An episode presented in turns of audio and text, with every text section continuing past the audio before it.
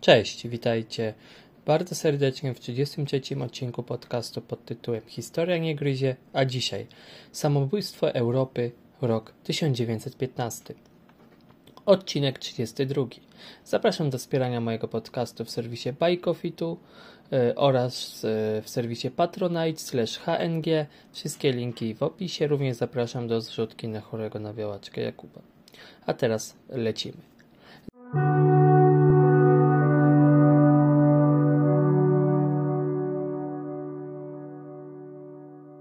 Zanim zaczniemy do tego, co działo się na froncie wschodnim, jeszcze w 1914 i w 1915 roku, chciałbym Państwu podziękować za to, że w zaledwie jeden dzień odrzucenia podcastu nabyliście Państwo aż 100 y, odsłuchów, y, co jest bardzo imponujące.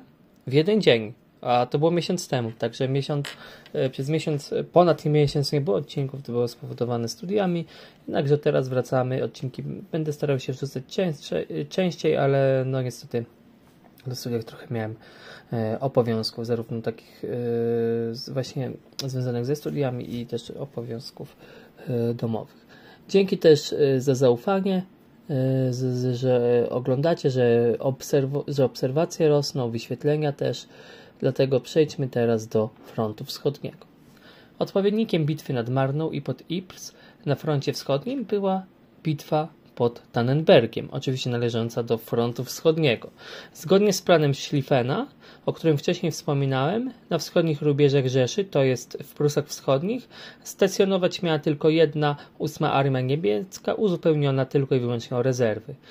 Jej dowódcą miał być generał Max von Pritzwitz und Gaffron, osłaniały ją wojska forteczne w Grudziądzu oraz w Toruniu. Plan Schlieffena mówił o parciu na zachód, a nie na wschód, więc na wschodzie pozostawało niewiele wojsk. Dlatego tę okazję chciała wykorzystać Rosja. Zamierzali oni przekroczyć linię Wisły, zanim nadejdą siły niemieckie z frontu zachodniego, a następnie w miarę pomyślnego rozwoju sytuacji od razu pomaszerować na Berlin.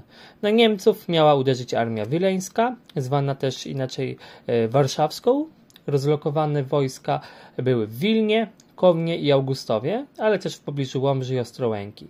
Przeciwko Niemcom dowodził generał Paul von Rennenkampf, który pochodził po prostu od rodziny, z rodziny niemieckich Bałtów, a sam był oczywiście Rosjaninem i walczył u boku Rosji i był właśnie głównym generałem, co również y, doprowadziło do sprzeciwu nacjonalistycznych ugrupowań w Rosji. Głównym wodzem y, rosyjskim był jednak wnuk Mikołaja I, Mikołaj Mikołajewicz, jednocześnie książę carski. E, jednakże on nie dawał się kontrolować i według historyków najbardziej e, nadawał się na generała niżeli inni rosyjscy generałowie, chociaż sam w sobie był bardzo miernym strategiem. Także to ukazuje, jak bardzo słaba była kadra wojskowa w Rosji podczas I wojny światowej. Piętą achillesową rosyjskiej armii był problem, ogromny problem z łącznością e, między naczelnym wodzem a armią carską w terenie. Rozkazy księcia Mikołaja Mikołajewicza miały dojść do Warszawy i tam dopiero musiały być rozszyfrowane, bo przecież wszystkie korespondencje wojskowe były szyfrowane, a następnie przesyłane przez kurierów do dowódców armii. Uważam, że to patologia jak na tamte czasy. Pierwsze minie sukcesy armia rosyjska poniosła już 20 sierpnia pod y, Gombinem, natomiast armia warszawska jeszcze nie dotarła do Prus, dlatego Niemcy zlecili koncentrację armii i nakazali ruszać w kierunku granicy wschodniej. Po przekroczeniu granicy armia warszawska składała się z ponoć y, generałów, którzy woleli grać w karty niżeli wojować. Ponadto pozostałe armie maszerowały ze zbyt dużym oddaleniu od siebie. Rosjanom również brakowało żywności, bo rosyjskie tabory nie zdążały y, z dostawami. I tutaj jest kolejny problem logistyczny, bowiem y, armia, w sensie ogólnie nie tylko armia, ale no carstwo miało bardzo słabe połączenie kolejowe. Jak na przykład w krajach na froncie zachodnim, na przykład w takiej Belgii, w takiej Francji chociażby, połączenia kolejowe były praktycznie perfekcyjne, to natomiast e, średnio to wyglądało w Rosji. E, i ogólnie to rosyjskie tabory właśnie nie zdążały z dostawami jedzenia. Docierając do Olsztyna, armia warszawska poniosła olbrzymie straty z powodu e, tego, że właśnie wojska niemieckie używały już karabinów maszynowych. Do roszad również doszło wśród generalstwa. Powołano Paula von Hindenburga a jego szefem, po stronie, teraz mówię o stronie niemieckiej, jego szefem był Elrich von Ludendorff. Podobno miał on być w obyciu bardzo arogancki, drażliwy i brutalny. Jego współpraca z Hindenburgiem jednak szła pomyślnie. Hindenburg e, przygotowywał również sam w sobie operacje, dokładnie znał położenie i plany Rosjan. Postanowił on również uderzyć na armię warszawską, a potem na wileńską i dysponował on dziewięcioma dywizjami przeciwko 15 dywizjom rosyjskim. Jednakże dywizja dywizji nierówna, więc tutaj nie o to chodzi. Jednocześnie żołnierze rosyjscy byli bardzo wyczerpani z powodu braku pożywienia. Dalsze ich działania zakończyły się klęską, co było e, bardzo owocne dla Niemców. Niemcy atakowali wykorzystując okazję po kolei i rozbijając rosyjskie korpusy. Dopiero pod wieczór 29 sierpnia Rosjanie uświadomili sobie, jak bardzo dramatycznym są położeniu. Rennenkampf znalazł się w niemieckim kotle. Jego armia z niego się już nie mogła wydostać, Aleksander Samsonow, czyli dowódca wojskowy e, w czasie I wojny światowej obok Rennenkampfa, e, zrozpaczony popełnił aż samobójstwo z powodu klęsk pod Wielbargiem. E, te zmagania wojenne, które teraz opisuję, zostały zapisane w historiografii właśnie ogólnie nazwano to bitwą pod Tannenbergiem. To są dzisiejsze okolice Olsztyna i Olsztynka w miejscowości obecnej nazywanej jako Stemberg. Trwały one od 26 do 30 sierpnia 1914 roku. Niemcy wzięli do niewoli około 100 tysięcy Rosjan, e, Chociaż no, tutaj jest rozbieżność w źródłach, de facto lepszy los e, tych żołnierzy rosyjskich czekał w niewoli niemieckiej, niż żeby wrócić przegranym do Rosji. Takie są, to ogólnie tutaj jest moja prywatna opinia, tutaj nie jakaś naukowa, także nie musicie tego brać na poważnie, ale wydaje mi się, że tak było. E, zginęło i odniosło rany od 40 do 50 tysięcy ludzi, w tym wielu Polaków. Po sukcesie ósmia, ósma armia o dodatkowe formacje przeniosła się na jeziora Mazurskie, gdzie właśnie miała być podobno rozlokowana rosyjska armia zwana Wileńską. Bitwa rozpoczęła się 8 września, a zakończyła się tydzień później. Rosjanie szybko oddawali pole, pobronili się bez przekonania i bez jakichkolwiek morali. W ogóle im na tym nie zależało. Wódz Paul von Rennenkampf, przypominam, że pomimo takiego nazwiska był Rosjaninem e, i wodzem największej armii wileńskiej, podobno porzucił armię i się wycofał. E, zakończył bitwę zniesławiony i oskarżony o zdradę na rzecz Niemiec. Został zwolniony w listopadzie 1914 roku e, po jeszcze jednej porażce w bitwie pod Łodzią. A jakie były jego losy ostatecznie? Został on rozstrzelany przez bolszewików w 1918 roku, a za jego kadencji życie straciło 75 tysięcy Rosjan, natomiast yy, z jego rozkazu zginęło tylko 9 tysięcy Niemców. Po bitwie E, na froncie wschodnim w 1914 roku wielu generałów carskich i oficerów zostało pozbawionych funkcji i skazywano ich zazwyczaj na dożywocie po porażkach. W ciągu kilku tygodni siły carskie poniosły ogromne klęski, nie dziwota. Ciężko się walczy przeciwko tak licznym przeciwnikom. Politycy rosyjscy sugerowali wycofanie się i podpisanie pertraktacji pokojowych, natomiast Rosja również nie przyznała się e, oczywiście e, do tego, że sama dołączyła do wojny i zgoniła całą swoją całą winę na Francję, że za, za szybko kazali im się e, szykować do wojny i tak dalej, i tak dalej. Zaczęli się głupio tłumaczyć. Ostatecznie car Mikołaj II nie poddał Rosji, jednakże wezwał do modernizacji armię rosyjską. Klęska wojsk carskich podczas Tannenberga i też podczas bitew nad jeziorami mazurskimi miały być przejawem niemieckiego geniuszu, ale też tego, że Prusy Wschodnie, które napadła Rosja, stanowiły dla lokalnych e, dla, dla, lokalnej ludności, dla tak zwanych lokalsów, ich małą ojczyznę, którą zawzięcie mieli bronić. Armia rosyjska nie miała prawie w ogóle morali. Wkrótce dla Rosjan ważniejszy tak ukazał się e, okazał się front kaukaski i galicyjski. Przeciwko monarchii habsburskiej, czyli przeciwko Austrii, car skierował 3 czwarte wojsk z e, 100, 115 dywizjami i 35 kawaleriami. Ostatecznym celem było zajęcie cieśnin tureckich, ale też e, chęć opanowania Galicji, Bukowiny, Rus e, i Zakarpacia. Armia Austro, armią austro-węgierską dowodził kon, generał Konrad Hetzendorf. Natomiast wybuch wojny spowodował, że władzę nad wojskiem e, przejęli nie tutaj, można powiedzieć, e, legitymowani, e, podwładni e, cesarza, tylko właśnie wojskowi. Tak, wojskiem zaczęli rządzić wojskowi. Na granicy z Rosją Habsburgowie skoncentrowali większość swoich sił. Zgodnie z ofensywną e, strategią mieli oni wkroczyć do Królestwa Polskiego, a następnie na Wołyń. Plan był prosty: zająć jak największe terytoria w jak najkrótszym czasie, póki Rosja przeprowadza mobilizację. Tak jak wcześniej wspominałem, car e, zamiast się poddać ogłosił modernizację i mobilizację wojskową. Ale z drugiej strony Austrii też było bardzo trudno przenieść wojska na północno-wschodnie kresy monarchii, ponieważ te tereny były bardzo biedne i też e, słabo zaopatrzone w kolej. Pociągi również rusza, poruszały się tam w tempie około 16 km na godzinę, podczas gdy pruskie pociągi pokonywały nawet prędkość 40 km na godzinę.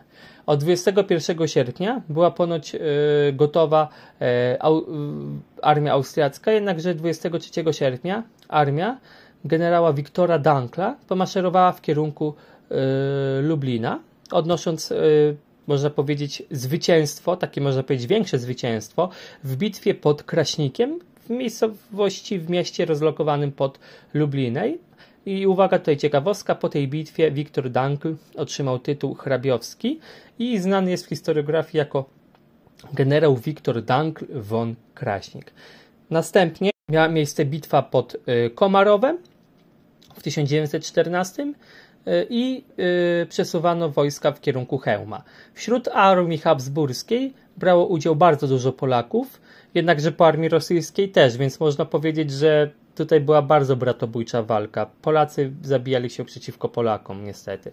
Strzelcy Józefa e, Piłsudskiego którzy także brali udział w wojnie i wyruszyli na wojnę 6 sierpnia, 20 sierpnia osiągnęli już Kielce.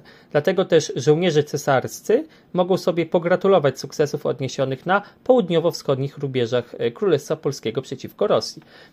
Jednakże ruszyła kontrofensywa wkrótce wojsk rosyjskich, e, która od razu, jak wkroczyła, to wyrzuciła ich ze świeżo zajętych ziem, także tutaj okazała się jednak przewaga rosyjska. W Galicji również zaczęły słabo wypadać wojska austriackie, której broniły tylko dwie armie. E, wojska carskie bezproblemowo uderzyli e, na przykład w Zbrucz, sforsowali tą miejscowość e, i również wojska austro-węgierskie przegrali bitwę graniczną pod Złoczonowem i Przemyślanami we wschodniej Galicji i musieli się wycofać w kierunku zachodnim. 3 września przez Rosjan zajęty został Lwów. Co prawda trwała pięciodniowa bitwa zwana drugą bitwą lwowską, gdzie 6, armia, e, gdzie 6 e, września armia austro-węgierska e, chciała odzyskać stolicę Galicji, jakim był Lwów, jednakże polegli oni właśnie w bitwie lwowskiej, gdzie zginął porucznik Herbert Konrad, syn szefa austro-węgierskiego sztabu. Austro-Węgry uparcie walczyli w odwrocie, którego musieli dokonać e, przez e, to, że Rosja niestety ich nadgoniła. I to modernizacyjnie, i to też mobilizacyjnie. Austriacy również musieli niecierpliwie oczekiwać pomocy od Niemiec. Rzesza musiała chcąc nie chcąc tego dokonać nawet we własnym interesie, dlatego nieraz Niemcy powiadali o sobie wtedy, że są przykuci do trupa.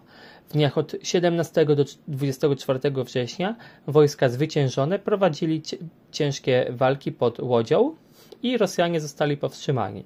1 listopada Hindenburg czyli ten generał, został wodzem wojsk niemieckich wspierających e, Austrię i również był tak zwanym szefem Oberkommando Ost, w skrócie Oberfrost. Hindenburg namawiał e, zwierzchnictwo do przemiany strategii z prozachodniej czyli z skupianiu się na froncie zachodnim, właśnie na front wschodni. Uważał, że należy wzmocnić siły na wschodzie, by wyeliminować Rosję z wojny. 11 listopada e, Hindenburg zaatakował, co prawda na Królestwo Polskie, gdzie wojska centralne jednak nie zdołały wojen, e, zająć Warszawy. Warki trwały też w Krakowie. Kraków był otaczany przez wojska rosyjskie, a po obu stronach walczyło ostatecznie ponad 40 dywizji, co oznaczało łącznie 400 tysięcy żołnierzy. Od 1 listopada do 5 grudnia Rosjanie stracili, uwaga, tutaj powiem zatrważającą liczbę, 530 tysięcy żołnierzy, natomiast Austriacy w ogólnym tego słowa znaczeniu zwyciężyli obronę twierdzy krakowskiej. Generał austriacki Konrad nie zawiódł, wykazał się uporem i pomysłowością i nie bez powodu jest uważany za jednego z najważniejszych wojskowych podczas I wojny światowej. To na razie tyle, jeśli chodzi o front wschodni. Przejdźmy teraz pokrótce do tego, co działo się poza Europą w latach 1914-1918. Ano istniał też również tam teatr działań wojennych, a to ze względu na kolonie niemieckie. Yy, ogólnie to zainteresowane cesarstwo yy, japońskie, które wygrało wcześniej wojnę z Chinami, było zainteresowane też yy, koloniami E, Japonia miało chodzić o ziemie wyłącznie znajdujące się w pobliżu ich terytorium i również Japonia w tym samym czasie rozbudowywała przemysł ciężki, armię lądową, e, flotę i również chcieli właśnie pozyskiwać terytoria, które stanowiły to logistyczne zaplecze. W 1911 roku jeszcze przed wojną Tokio odnowiło układ z Wielką Brytanią, jednocześnie polepszając też stosunki z Rosją. Niemcy nazywali ich Japonię Prusami Dalekiego Wschodu. Japonia we wrześniu 1914 roku zajęła część e, niemieckiej e, Nowej Gwinei. Archipelag Bismarcka, czyli w skrócie archipelag Bismarcka, czyli to, są, to jest grupa wysp na Oceanie Spokojnym i też wyspy Salomona e, należące do Australii i Samoa należąca do Nowej Zelandii oraz Nauru należące do Wielkiej Brytanii. E, na te wszystkie ziemie można powiedzieć, że Japonia miała ogromną chrapkę. I zgodnie z wolą e, cesarza Yoshihito w 1914 roku 23 sierpnia przystąpiła do wojny przeciwko Rzeszy. 27 sierpnia zaczęła się blokada niemieckich obszarów na terenie Chin, to jest Kiaochou, gdzie znajdowała się baza i twierdza moruska. Broniło jej niemalże 4940 żołnierzy. Japończycy ze wsparciem Anglii zmusili Niemców do poddania się. Bez walk zajęli e, Japończycy wyspy Marszala, Mikronezję, Palau i wyspy Karoliny. Sukces ten niepokoił oczywiście Amerykanów. Japonia zaczęła przec w kierunku Chin, aby zajmować te tereny, które mają cokolwiek wspólnego z Rzeszą. Zazwyczaj to były kopalnie i tym podobne. E, również przedstawili też 21 żądań do Pekinu w celu podporządkowania Chin Japonii. Chiny pod presją też wywołaną przez aliantów, ponieważ alianci musieli się, e, można powiedzieć, ulec Japonii. E, dlatego też Chiny zgodziły się na przejęcie samego, samej swojej autonomii, więc dzień 9 maja 1915 roku, czyli wtedy, kiedy Chiny oficjalnie podporządkowały się Japonii, uważany jest za Dzień Hańby Narodowej do dzisiaj. W wyniku e, problemów w wprowadzeniu ustroju politycznego odpowiedniego dla Chin mm, wprowadzono e, też republikę w Chinach, jednakże Chiny właśnie też były pogrążone w ogromnych konfliktach wewnętrznych. 14 sierpnia 1917 roku E, Chiny przystąpiły do wojny e, pod naciskiem Japończyków i w ten sposób przejęta została ich armia dla Japonii. Chiny również były traktowane jako fabryka i kopalnia dla aliantów. Jeszcze wcześniej tak naprawdę stanowili oni tanią siłę roboczą dla Japonii ówczesnej. Przejdźmy teraz do Afryki. W 1915 roku w wyniku wojny próbowano urządzić powstanie w Egipcie przeciwko Wielkiej Brytanii, ale też bez większych sukcesów. Odnotowano też takie próby niepodległości w Algierii i tym podobne. Francuska Algieria jednak wspomagła Francję dostarczając im 173 tysiące żołnierzy, w tym e, 87 tysięcy ochotników, co świadczy o nastrojach tam panujących profrancuskich. Mieszkańcy krajów arabskich Afryki, pomimo prób przekupień m.in. przez Niemcy i Turcję, zostali raczej lojalni wobec swoich przełożonych, że tak powiem. Natomiast niespokojnie było nad Zatoką Gwinejską, gdzie bieda i niezadowolenie pogłębiło się w wyniku wybuchu wojny. Afrykanie tam uchylali się od służb w formacjach wojskowych. W Nigerii dochodziło do otwartych buntów, mimo to Francji udało się zmobilizować łącznie 600 tysięcy Afrykanów, mimo tego, że na przykład w takiej Nigerii były bunty, z czego 80 tysięcy poległo, a ogólnie wojska afrykańskie nazywano wtedy też po prostu wojskami kolonialnymi. Największe konflikty zbrojne objęły kolonie niemieckie, czyli Niemcy władali wtedy ówcześnie Tanganiką, Rwandą i Burundi, czyli po prostu można powiedzieć Afryką Wschodnią, ale też Afryką Południowo-Zachodnią, czyli Kamerunem i Togo. 23 sierpnia 1914 roku zaproponowali oni neutralizację kolonii, na co nie zgodziły się Francja oraz Wielka Brytania. E, United Kingdom już w sierpniu e, podjęło decyzję o zbrojnym zajęciu kolonii niemieckich w ramach tzw. Tak strategii bezpieczeństwa. Przez cały okres wojenny propaganda aliancka starała się odebrać moralne prawo do posiadania kolonii przez Niemiec, oskarżając ich o brutalność i bestialstwo. Jeszcze w 1916 roku e, Paryż i Londyn podzieliły między sobą Kamerę i Togo. Tutaj chodzi też, chodzi, w Namibii walki trwały też krótko, gdzie ostatecznie Niemcy podali się w 1915 roku. I tutaj ważna ciekawostka e, historyczna. Jak wiecie, Niemcy w XIX wieku, można powiedzieć, e, szerzyli swoją pseudonaukową teorię o eugenice i o tym, że e, istnieje coś takiego jak wyższość rasowa rasy nad rasą.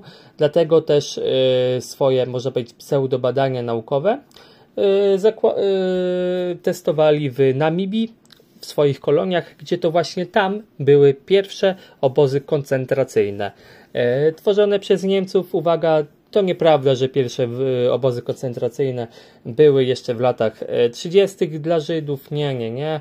E, pierwsze obozy koncentracyjne były już pod koniec na przełomie XIX wieku i na początku XX wieku w Namibii. Wracając już do tematu, Niemcy atakowali ogólnie rzecz biorąc żelazne mosty, pociągi, farmy Brytyjczyków i tym podobne i tymi właśnie wydarzeniami w Afryce inspirowała się e, duńska baronowa Karen Blixen w słynnej powieści Pożegnanie z Afryką. E, istnieje też również film, który bardzo polegam, polecam, jest bardzo piękny, jednakże taki można powiedzieć spokojny bardzo. I ten film też dostał Oscara, chociaż w dzisiejszych czasach Oscar mało znaczy, ale w tamtych czasach, jak ten film wychodził, e, znaczył dużo. Ta, znaczyła dużo ta nagroda, dlatego polecam obejrzeć film Pożegnanie z Afryką. Jeżeli interesują, interesuje Was Państwo, e, można powiedzieć, e, właśnie te walki w koloniach podczas I wojny światowej. Niemcy mm, stracili e, w Afryce 17 tysięcy ludzi przez 4 lata trwającej wojny, w samej Afryce oczywiście, natomiast alianci 95 tysięcy. Po obu stronach zmarło ponad 200 tysięcy tragarzy, a grypa hiszpanka, e, ówcześnie można powiedzieć e, szerząca swój pomór, zabiła kolejne kilkadziesiąt tysięcy osób. Afrykanie wynieśli z niej e, lekcję, że do białych można strzelać i ich zabijać. E, w sensie chodzi mi o to, że e, można, że Afrykańczycy zaczęli się y, buntować i też zaczęli, można powiedzieć, walczyć o swoje. I właśnie pamięć o tych wydarzeniach ożywiała niepodległościowe ruchy afrykańskie z lat 50. i 60. XX wieku. Ostatecznie Niemcy traciły swoje posiadłości na Czarnym Lądzie po I wojnie światowej, gdy ich kolonie zostały zajęte przez Ligę Narodów i przekazane Wielkiej Brytanii, Francji, Belgii i Unii Południowoafrykańskiej, czyli tzw. Tak poprzednicy RPA. A teraz przejdźmy do tematu Turcji. Kiedy wkraczają do wojny, Turcja rządzona jest przez młodych nacjonalistów. Jak wiecie, Imperium Osmańskie już wprawdzie nie istnieje. E, nacjonaliści przejęli władzę na drodze przewrotu zbrojnego i e, w Turcji 15 milionów z 24 milionów stanowili muzułmanie. Przewodził im wielki wezyr Said Halim Pasza. Młodoturcy, bo tak nazywa się ugrupowanie nacjonalistycznie, marzyli oni o zbudowaniu pantureckiego imperium sięgającego aż armii centralnej. Rzesza chętnie podgrzewała te fantastyczne urojenia i za sojuszem z Rzeszą opowiadało się też dwóch członków kierownictwa państwem, a mianowicie Enver Pasza i Talat Pasza. Niemcy też kontrolowali słynną linię kolejową Berlin-Bagdad. Szkolili oni oficerów w Turcji i na uczelniach niemieckich. E, wyposażyli oni również armię turecką, E, w, właśnie w nowoczesne e, można powiedzieć sprzęty wojskowe i tym podobne, więc wpływy niemieckie w Turcji były e, pozytywnie odbierane. Wspomnę tutaj również o roli niemieckich krążowników wodnych, m.in. Gauben o wyborności o wyporności 22 979 ton oraz Breslau o wyporności 4500 ton. Oba wchodziły w skład dywizjonu śródziemnomorskiego dowodzonego przez kontradmirała Wilhelma Suchona. 4 sierpnia podniosły e, one na maszt rosyjską banderę i zbombardowały one wybrzeża francuskiej Algierii. W ten sposób złamano konwencję haską o zakazywaniu przebierania się w nieprzyjacielskie mundury oraz używania nieprzyjacielskiej e, flagi. Także tutaj wiecie, na swoje krążowniki Niemcy sobie rosyjską flagę założyły. E, oba e, okręty potem skierowały się ku Stambułowi. Enver Pasza, mimo że zaproponował odkupienie obu okrętów, jednakże nic z tego nie, wys nie wyszło. Sam Enver Pasza był zwolennikiem niemieckiej polityki i też on był byłym studentem niemieckiej Akademii Wojennej. Enver Pasza uważał, że wojny wykryją Niemcy i w związku z tym myślał, że warto stanąć u ich boku. Rozkazał on bombardowanie rosyjskich portów nad Odessą i Sewastopolem na czele, co nastąpiło w nocy z 28 na 29 października 1914 roku. W listopada 1914 roku Rosja wypowiedziała wojnę Turcji i tak samo e, postąpiła też reszta Trójporozumienia. E, Wielka Brytania również ogłosiła aneksję Cypru i otworzyła w Egipcie odrębny sultanat, a w istocie swój protektorat. Według profesora Andrzeja Chwalby yy,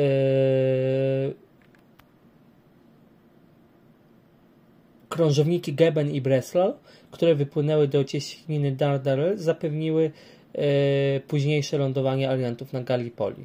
Yy, również walki nad kanałem Sueskim oraz w rejonie Zatoki Perskiej gdyby nie to, nie byłoby ludobójstwa Ormian i klęski Turcji w 1918 roku. I to tutaj według on wysuwa tezę, że winą tego są te e, krążowniki, które właśnie wypłynęły na cieśninę Dardanel i zaczęły e, ostrzeliwać e, obce kraje.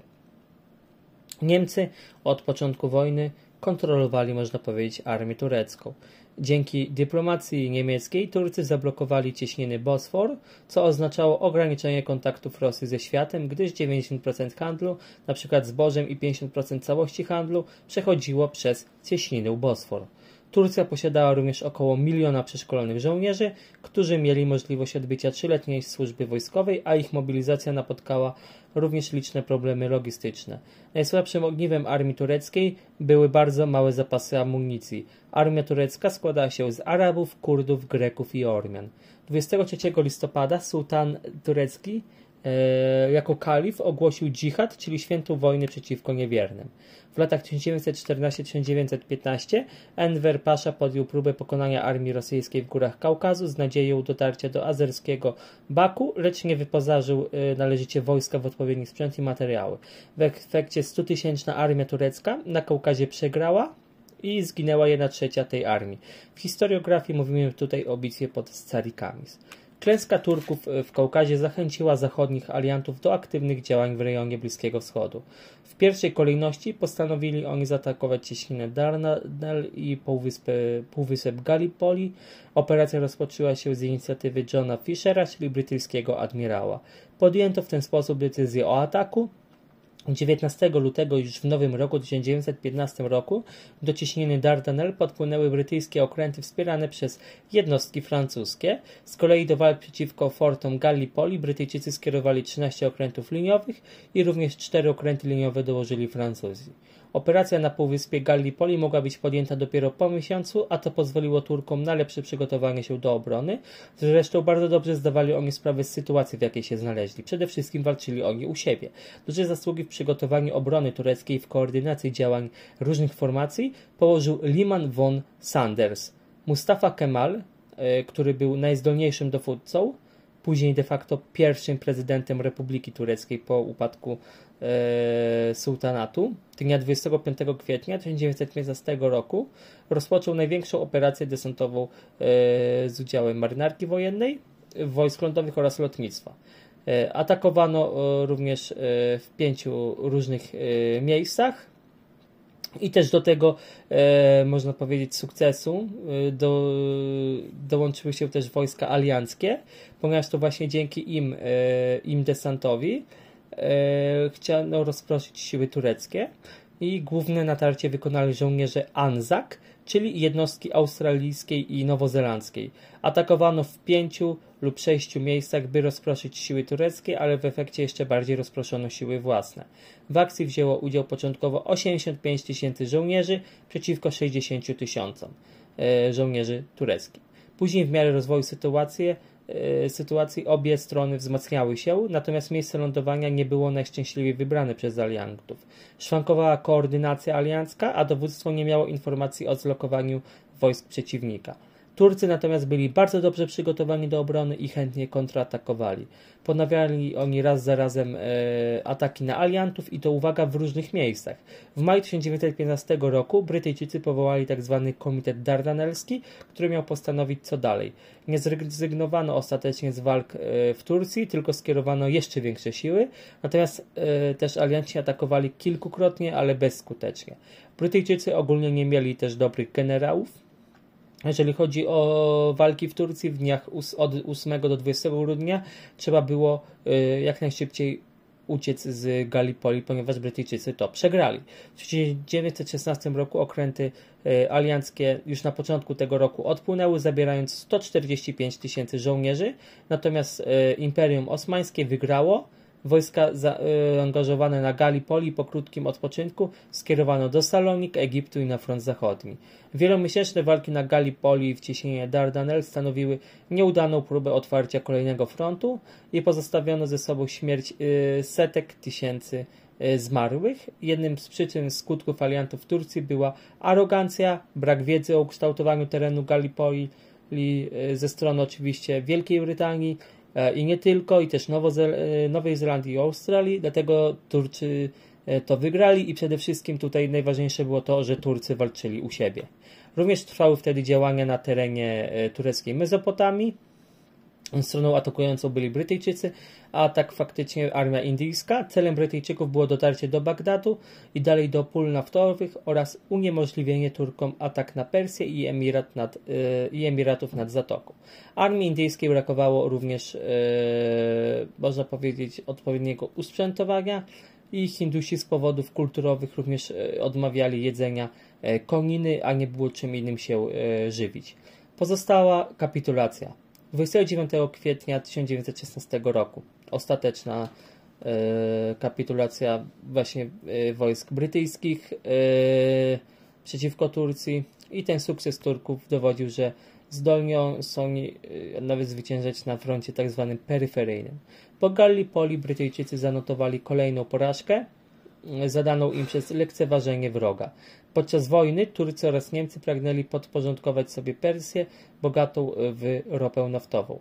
Pierwszy atak Turków na Persję od strony północnej został przeprowadzony w grudniu 1914 roku i mieli oni być e, wsparci przez Azerów, którym Stambuł wyznaczył ważne miejsce w swojej strategii budowy pantureckiego imperium, jednakże ostatecznie oni nie pomogli, a Turków odepchnęli Rosjanie.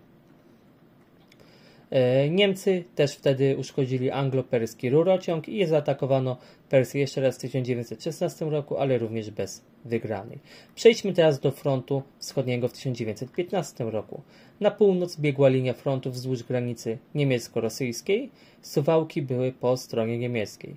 W centrum e, przebiegał, front przebiegał między Warszawą a Łodzią i również między Częstochową a Kielcami. Celem Rosjan było uderzenie przez karpackie przełęcze w kierunku Niziny Węgierskiej. Zimą 1915 roku wojska niemieckie zaatakowały wojska rosyjskie, wyrzucając je poza granice Prus Wschodnich. Austriacy zdawali sobie sprawę, że ich potencjał jest mniejszy niż armii rosyjskiej, dlatego kondycja armii austriackiej malała i od początku wojny była zależna od pomocy Niemiec. Berlin uznał, że głównym zadaniem państw centralnym na froncie wschodnim będzie w pierwszej kolejności powstrzymanie parcia wojsk rosyjskich w kierunku łuku Karpat, a następnie pobicie ich i zmuszenie do rozpoczęcia rozmów pokojowych na warunkach zwycięzców. 14 kwietnia w, Berlinie, w Berlinie szefowie sztabów podjęli decyzję o uderzeniu na armię rosyjską między Tarnowem a Gorlicami. Przełamanie frontu miało doprowadzić do odrzucenia wojsk rosyjskich oraz zmuszenia ich do odwrotu także na innych odcinkach e, frontu. Pierwszym warunkiem e, na powodzenie było zachowanie tego w tajemnicy. Wojska niemieckie jechały z zachodu pod Gorlice okrężnymi drogami, aby zmielić czujność agentów alianckich. Zawieszano również komunikację pocztową. Drugim warunkiem było przekazanie dowództwa generałowi niemieckiemu e, Falkenhainowi. Falkenhain miał najgorsze zdanie o sojuszniczych oficerach, natomiast Austrię nazywał przeklętym narodem i przeklętym sojusznikiem. 11 maja 1915 roku na, e, na zamek książąt von e, Ples w Pszczynie przeprowadziło się, przeprowadziło swoją kwaterę wojskową Naczelne Dowództwo Rzeszy. Państwo centralne można powiedzieć, skondensowało 360 tysięcy żołnierzy w tym rejonie, a Rosjanie 220 tysięcy. Bezpośrednio w okolicach Gorlic na szerokości 50 km frontu zaatakowano, e, zaatakowało ich 217 tysięcy e, wojsk, właśnie przeciwko 60 tysięcy e, z trzeciej armii dowodzonej przez generała Radko Dimitrijewa, Bułgara w służbie rosyjskiej. Dnia 2 maja atakiem sojuszników zaczęła się operacja Gorlicka. W wojskach po stronie państw centralnych było wielu Polaków, jednakże po stronie wojsk rosyjskich ponownie. Gorlice zostały zniszczone, Gorlice zostały zniszczone i prawie wszystkie domy poważnie uszkodzone albo zrównane z ziemią. W okolicy paliły się szyby naftowe. Świadkowie porównywali to do przedsionka piekła. Jeszcze tego samego dnia dzwony w kościołach w Berlinie radośnie biły na zwycięstwo. Niemcy 5 maja sforsowali Wisłę, a 6 maja zajęli Tarnów. I zaczęło się właśnie tak zwane odzyskanie Galicji. Improwizowanie e, kontruderzenia wojsk carskich również nie zdało się na skuteczności i około 250 tysięcy Rosjan znalazło się po trzech tygodniach w obozach janieckich. Władimir Dragomirow miał rzec Nasze położenie strategiczne jest zupełnie beznadziejne. Zginęło blisko łącznie 150 tysięcy ludzi i klęska gorlicka spowodowała, że rosyjskie dywizje nie zdążyły w większości nawet się wycofać i do niewoli dostał się nawet generał Ławr Kurniłow, który w 1916 roku podczas śmiałej ucieczki zbiegł z więzienia i przedostał się do Rosji. Bitwa pod Gorlicami okazała się największym zwycięstwem tzw. Tak sojuszników i największą jak dotąd klęską Rosjan w tej wojnie. Rosjanie wycofując się wysadzili wszystkie mosty na Wiśle oraz Sanie i wojska austriackie wtedy e, wkroczyły do Lwowa i go odbiły. Ciekawostką jest to, że jeszcze w 1915 roku wejście Niemców do Warszawy dla Żydów stanowiło wyzwolenie spod władzy e, znanego z dyskryminowania i upokorzowania imperium e, carskiego.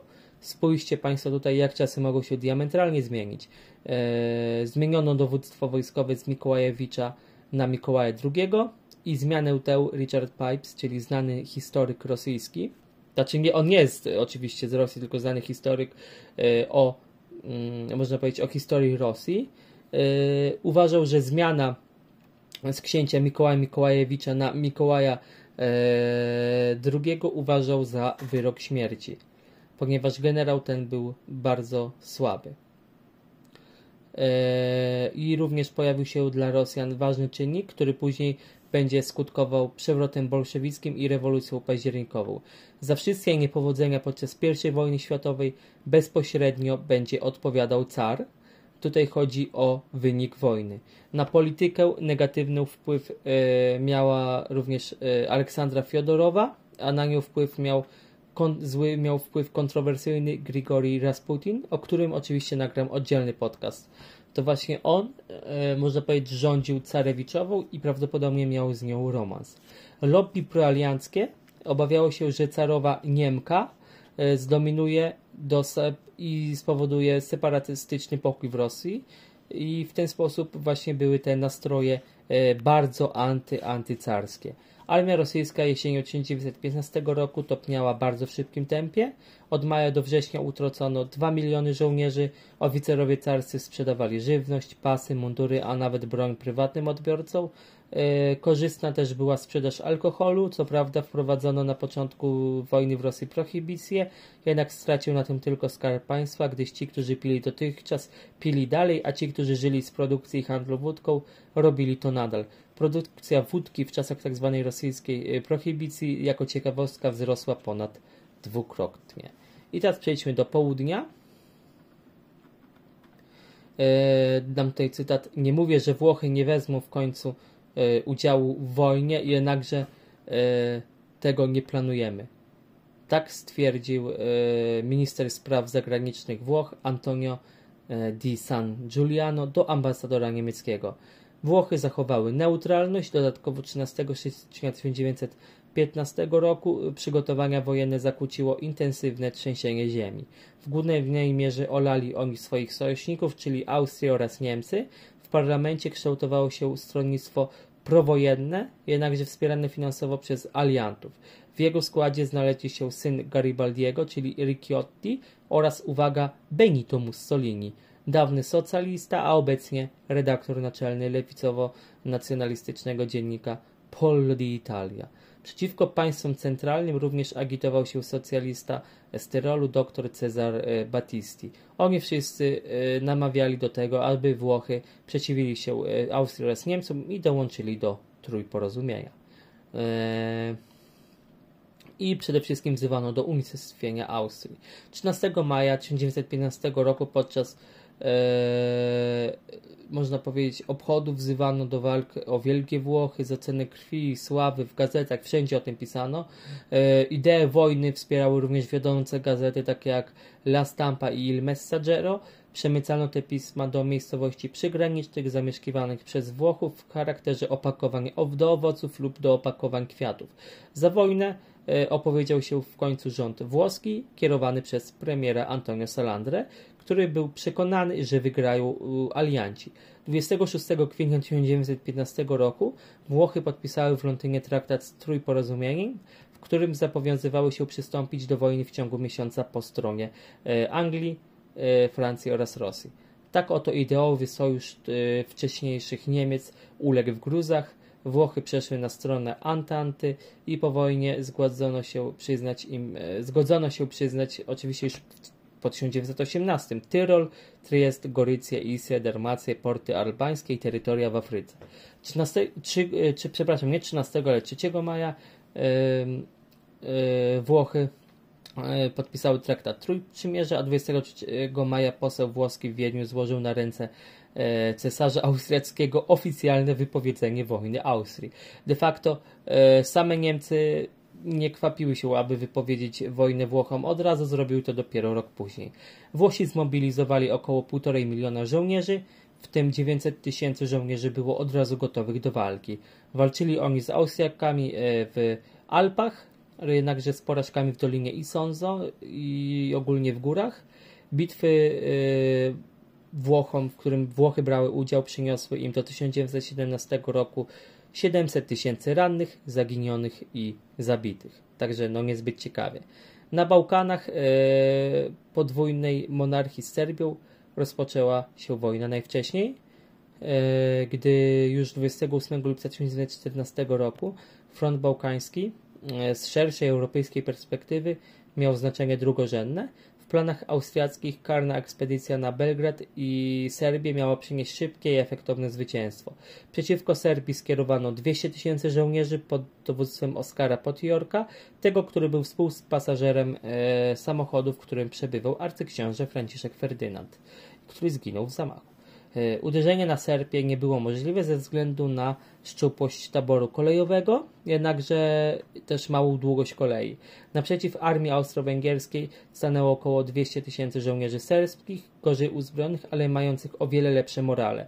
Wojska serbskie sparła też w akcie Solidarności Czarnogóra, aczkolwiek jej niewielka armia liczyła zaledwie 40 tysięcy żołnierzy sformowanych w pięć słabo wyposażonych dywizji. Do połowy grudnia ee, miało miejsce parę bitew. 6 listopada miała kojąca przegrana, Serbowie tę bitwę wygrali i wobec naporu Rosji Austro-Węgry nie mogły kontynuować natarcia i do połowy grudnia Austro-Węgry użyły przeciwko Serbii 462 tysiące żołnierzy, a jej straty całkowicie wyniosły 277 tysięcy żołnierzy.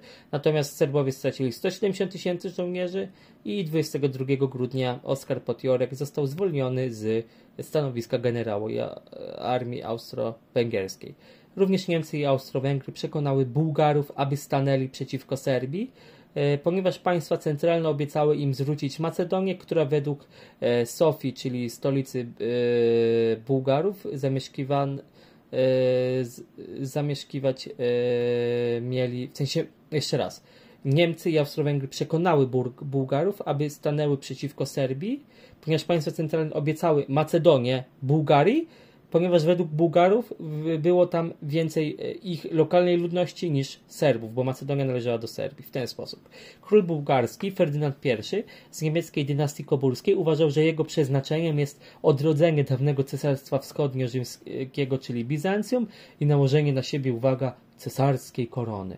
Już w 1908 roku doprowadził on do powstania suwerennej Bułgarii. 14 sierpnia 1915 roku Wiedeń i Berlin uzgodniły szczegóły ataku na Serbię. Na froncie zachodnim panował zastój, a na wschodnim państwa centralne posuwały się stopniowo w głąb Rosji. 5 października bez wypowiedzenia wojny yy, ruszyli oni przeciwko, czyli Bułgarzy przeciwko Serbii pod hasłem wyzwolenia braci z serbskiej niewoli. Podobną analogię mamy dzisiaj z Putinem i jego atakiem na Ukrainę, ale to mniejsza o to. Z kolei 15 i 16 października 1915 roku w e, Bułgarii wypowiedziały wojnę kolejno Wielkobrytania oraz Francja. Serbia wystawiła 340 tysięcy wojsk, z czego 250 tysięcy wojsk w polu i wspierało ją ponad właśnie 50 tysięcy czarnogórców. Szczęśliwie oni uniknęli okrążenia pod y, Kragujewakiem, który ostatecznie został zajęty 1 listopada i Serbia straciła wtedy szansę na dalszy opór. 19, od 19 do 23 listopada 1915 e, roku miała miejsce e, bitwa na Kosowym Polu, e, miejsce dla Serbów symbolicznym, bo właśnie tam w 1389 roku wojska serbskie uległy wojskom tureckim, w wyniku czego Serbia utraciła niepodległość. Serbowie byli też silnie pokiereszowali, i do portów albańskich trzeba było ewakuować 100 tysięcy żołnierzy yy, serbskich, w tym też cywili. Yy, pokonanie Serbii zadowalało Niemców, dzięki temu uzyskali oni bezpośrednią komunikację z Turcją. 5 stycznia 1916 roku wojs, yy, wojska E, naddunajskie zaatakowały Czarnogórę i zajęły Cetynię. 17 stycznia dworzec kolejowy e, do dworca kolejowego w Stambule wjechał zwycięski ekspres z Berlina udekorowany znakami zwycięstwa z Serbami. Uruchomienie bezpośredniego połączenia kolejowego linii Berlin-Wiedeń-Sofia-Stambuł miał ogromne znaczenie i to właśnie umożliwiło e, właśnie taki czyn umożliwiło dopiero poprzez pokonanie Serbii. Do Bułgarii przyłączono, tak jak obiecano, serbską Macedonię. Serbia do końca, wojsk, do końca wojny została terytorium okupowanym. Jeżeli chodzi o Grecję, to na początku wojny ogłosiła ona neutralność. Była ona w sojuszu wojskowym Serbii, ale tylko na papierze. Grecja też ostatecznie nie wkroczyła do wojny. Eee, rok później Bułgarzy i Niemcy wkroczyli na terytorium północnej Grecji, zajmując port w Kawali. 1917 roku Francuzi zażądali od Grecji abdykacji króla albo ostrzelają oni z armat Ateny. Król opuścił Grecję, a jego następcą został Aleksander. To tyle w dzisiejszym odcinku i do zobaczenia w następnym. Cześć i czołem, hejka.